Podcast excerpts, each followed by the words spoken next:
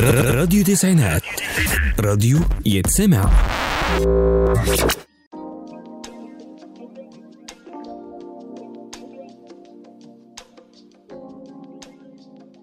أهلا بيكم مستمعينا الأعزاء في حلقة جديدة من برنامجكم معلومه تخصك معاكم ياسمين عبد الله على راديو التسعينات اتكلم النهارده عن سلبيات السوشيال ميديا.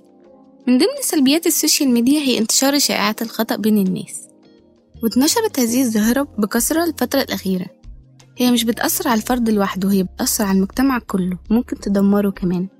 ومن ضمن المشكلات التي ظهرت نتيجة الشائعات الخطأ إن ممكن أخ يقتل أخته أو أخوه بسبب شائعة سمعها غلط وإن هي كانت سبب في طياشه أو في إن هو يفقد وعيه أو إحساسه. وكانت للشائعات دورا هام على مدار السنين. مثلا في عام 2008 كانت الانطلاقة الأولى لنشر المعلومات الخطأ. حيث تحولت مستخدمو شائعات عن مسببات سرطانية.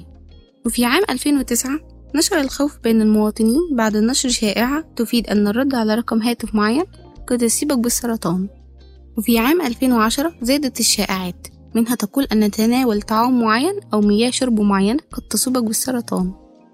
وفي عام 2011 مع ثورة 25 يناير بدأ نشطاء الفيسبوك بدخول به معترك الشائعات السلبية. وتداول الأخبار الكاذبة والمعلومات الخاطئة. وفي الآخر أحب أقول لكم إن الشائعات بتأثر على كل حاجة في حياتنا.